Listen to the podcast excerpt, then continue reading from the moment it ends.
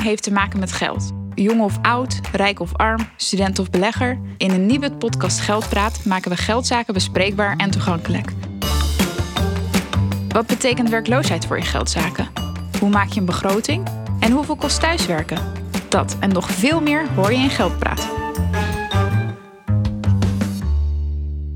Vandaag praten we met Marion, onze collega van het Nibud. Dit seizoen is ze een aantal keer bij ons te gast in onze rubriek Geldzaken uit de praktijk. In een vorige aflevering hebben we het met Marion al een keer gehad over samenwonen en hoe je dan je kosten verdeelt. Maar er gaat eigenlijk nog iets aan vooraf, namelijk hoe ga je je geldzaken samenvoegen.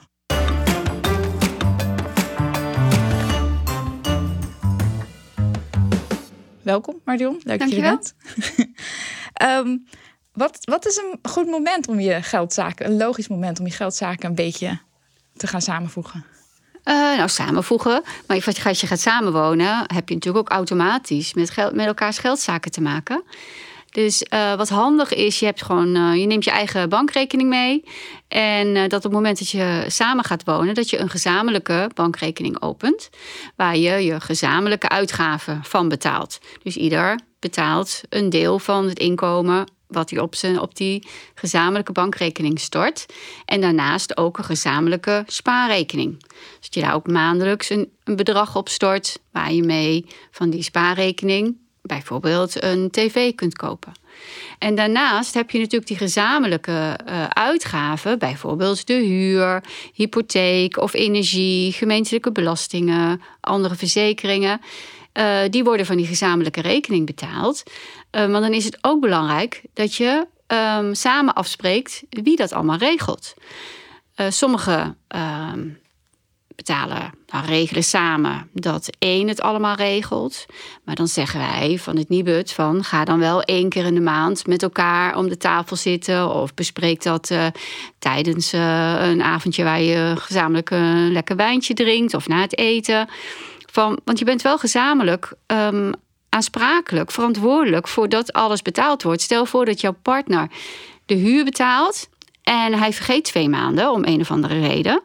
Dan kan het zijn dat je op straat gezet wordt, terwijl jij daar ook verantwoordelijk voor bent dat het betaald wordt.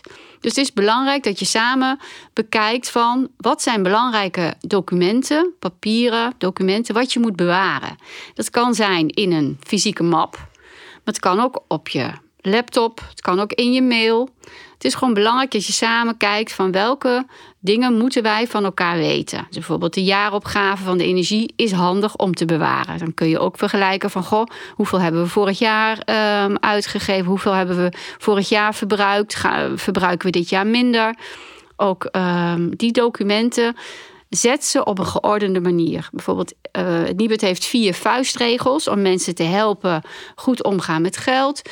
Eén uh, daarvan is bewaar je belangrijke documenten op een geordende manier. En als je samenwoont, zorg dan dat je van elkaar weet, bijvoorbeeld je wachtwoord. Uh, want ja, als de een bijvoorbeeld, uh, uh, als je uit elkaar gaat of de een wordt ziek, dat de ander het over kan nemen. Dan moet je wel weten wat het wachtwoord is van bijvoorbeeld uh, het account van de energierekening. wat ook handig is naast het hebben van een gezamenlijke bankrekening en gezamenlijke spaarrekening, om bijvoorbeeld een gezamenlijk e-mailadres te maken voor die gezamenlijke uitgaven. Oh, voor oké, want het klinkt, ik vind het gezamenlijk e-mailadres klinken als uh, Joop en Gerda, uh, nou ja, van 50. ik weet niet.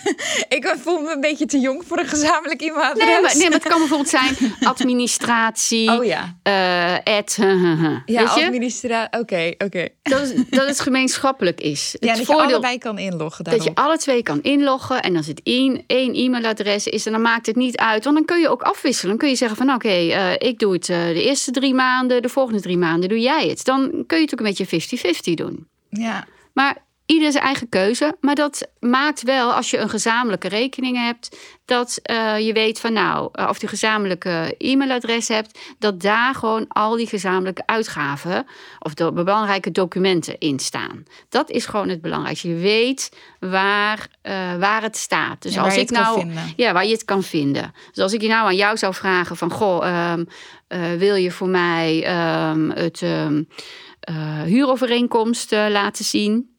Dat jij weet, oeh, er zit in die map. En dat kan een map zijn op computer, kan ook in je e-mail zijn. En dan is het handig als je het in een gezamenlijk e-mailadres hebt. Dat je Ja. het gewoon kunt laten zien. Ja, en eh, ik wil heel even terug naar een van de eer- eerste dingen die je zei, namelijk gezamenlijke rekening, gezamenlijke spaarrekening. Waarom is dat zo handig? Het is handig. Maar kijk, als je het anders wil, mag hè. Alles kan. Het is jouw geld of het is jullie geld. Wat het voordeel is van een gezamenlijke rekening is dat je niet elke keer de, ehm, eh, het gesprek aan hoeft te gaan van goh, eh, ik heb dit betaald en jij hebt dat betaald. Is een beetje oneerlijk of eh, heb je dat wel betaald? Als je een gezamenlijke ehm, bankrekening hebt, kun je daar ook gezamenlijk in kijken. En kun je ook zien, hey, we hebben alles betaald, loopt goed. En dat je, je hoeft daar niet elke keer over na te denken. En je hebt dan je eigen bankrekening voor je eigen zaken. Dus je hoeft er niet te verantwoorden aan de ander. Ja, maar dat hoeft ook niet als je allebei een losse hebt. En je zei net van, hé, hey, joh, deze uitgave is een beetje oneerlijk. Ook al was het een gezamenlijke uitgave. Dat heb je toch juist dan meer met een gezamenlijke rekening. Omdat dan je met z'n tweeën elkaar een beetje op de vinger... Nou, weet ik niet, hè, maar een beetje op de vinger zit te kijken van... waarom heb jij nou eh Ja, maar eh, ja, als 10 je- euro aan koffie uitgegeven op één dag? Eh, nee, want dat doe je van je eigen rekening. oh ja, dat mag dan niet. Alles mag. Maar juist als je gaat samenwonen, is het juist zo goed om eh, af te spreken van wat dan die gezamenlijke uitgaven zijn. En daar leg jij gewoon elke maand een vast bedrag in. En daar worden de gezamenlijke uitgaven van betaald. En het grote voordeel van zo'n gezamenlijke rekening is dus dat je allebei nou, een soort van controle hebt op worden de juiste uitgaven eigenlijk wel betaald? De belangrijke huur, energie. Eh, Dat er altijd voldoende geld op staat, Ja. zodat alle eh, eh, belangrijke uitgaven, vaste uitgaven betaald worden. Waarvan jullie samen verantwoordelijk zijn. ja. Kijk, als jij op je eigen rekening eh, geen geld meer hebt staan, dat is jouw ding. Maar het moet wel, je moet wel zorgen dat op de gezamenlijke rekening voldoende geld staat om alle vaste lasten te kunnen betalen. Ja, ja en, en daarna zei je inderdaad over. Eh, eh, zorg dat je allebei op de hoogte bent van wat er aan de hand is. Praat er elke keer over. Want dat oude model, tenminste, ik denk dat traditionele model van eh, de man doet de geldzaken en de vrouw het huishouden, I guess. Ik weet niet hoe het bij jou vroeger was. Bij mij thuis deed mijn moeder dat vroeger. Bij mij, bij mij deed mijn moeder het ook, maar bij andere mensen misschien anders. Dat is echt onhandig. Nee, weet je, als een van de twee het heel erg leuk vindt. Kijk, er zijn ook mensen die het als hobby hebben Ja. om ehm, eh, geldzaken goed te regelen. Als iemand het heel graag wil, moet je dat vooral doen. Moet je dat, maar het is wel belangrijk, omdat je beide verantwoordelijk bent, dat je daar wel met elkaar over praat. Ja, ja logisch, vind ik zelf. hey, en eh, een beetje een treurig onderwerp natuurlijk, maar eh, niet alle relaties blijven altijd aan. Hoe ga je daar dan mee om? Om je geldzaken dus weer eigenlijk uit elkaar te halen. Als je net een gezamenlijke rekening hebt, gezamenlijke spaarrekening, gezamenlijk e-mailadres. Ja, En nu ja. gaan we uit. En nu gaat het uit. Wat nu? Ja, kijk, dan is het juist wel handig als je een gezamenlijke ehm, bankrekening hebt, een ge- gezamenlijk e-mailadres. Want dan weet je van alles wat daarin staat, moeten we eh, verdelen. Want als het nu zo is dat jij de energie zou betalen en jouw partner de huur, en jij blijft in dat huis eh, wonen, moet je dat om gaan zetten. Dan moet je de. Kijk, het, is al, dus dan kost het veel meer eh, tijd. Want dan moet je de woningcorporatie bellen of je huurbaas bellen om het allemaal om te gaan zitten. Dat moet ook gebeuren als je uit elkaar gaat en je hebt het gezamenlijk. Maar dan heb je het wel allemaal bij elkaar staan. Dat is gewoon het voordeel. Ja, Maar ik hoop niet dat je uit elkaar gaat. Maar ja, het is, het is gewoon belangrijk dat je het regelt. En als je het goed hebt geregeld van wie betaalt wat. ehm, en het is van een gezamenlijke rekening, dan is het gewoon overzichtelijker. En welke zaken zijn beter om gewoon voor jezelf te houden? Om niet gezamenlijk te doen. Eh, ja. Bijvoorbeeld ehm, kleding. Kleding. Hè, kleding, je eigen zorgverzekering, eh, uitjes met, eh, met je vriendin. Ja. Ehm, ehm, nou, vakanties die je niet gezamenlijk doet. Kijk, geza- gezamenlijke vakanties kun je van je gezamenlijke eh, rekening betalen. Maar dus al die dingen waar alleen jij profijt van hebt, ehm, of plezier van hebt, naar een festival gaan, die zou ik op je eigen rekening betalen. Ja. Want dan heb je ook als de ander jarig is, als je partner jarig is, je heeft een cadeautje, heb je ook het idee van ik heb mijn partner een cadeautje gegeven van mijn geld en niet van de gezamenlijke rekening. Lief. hey, dankjewel Marion.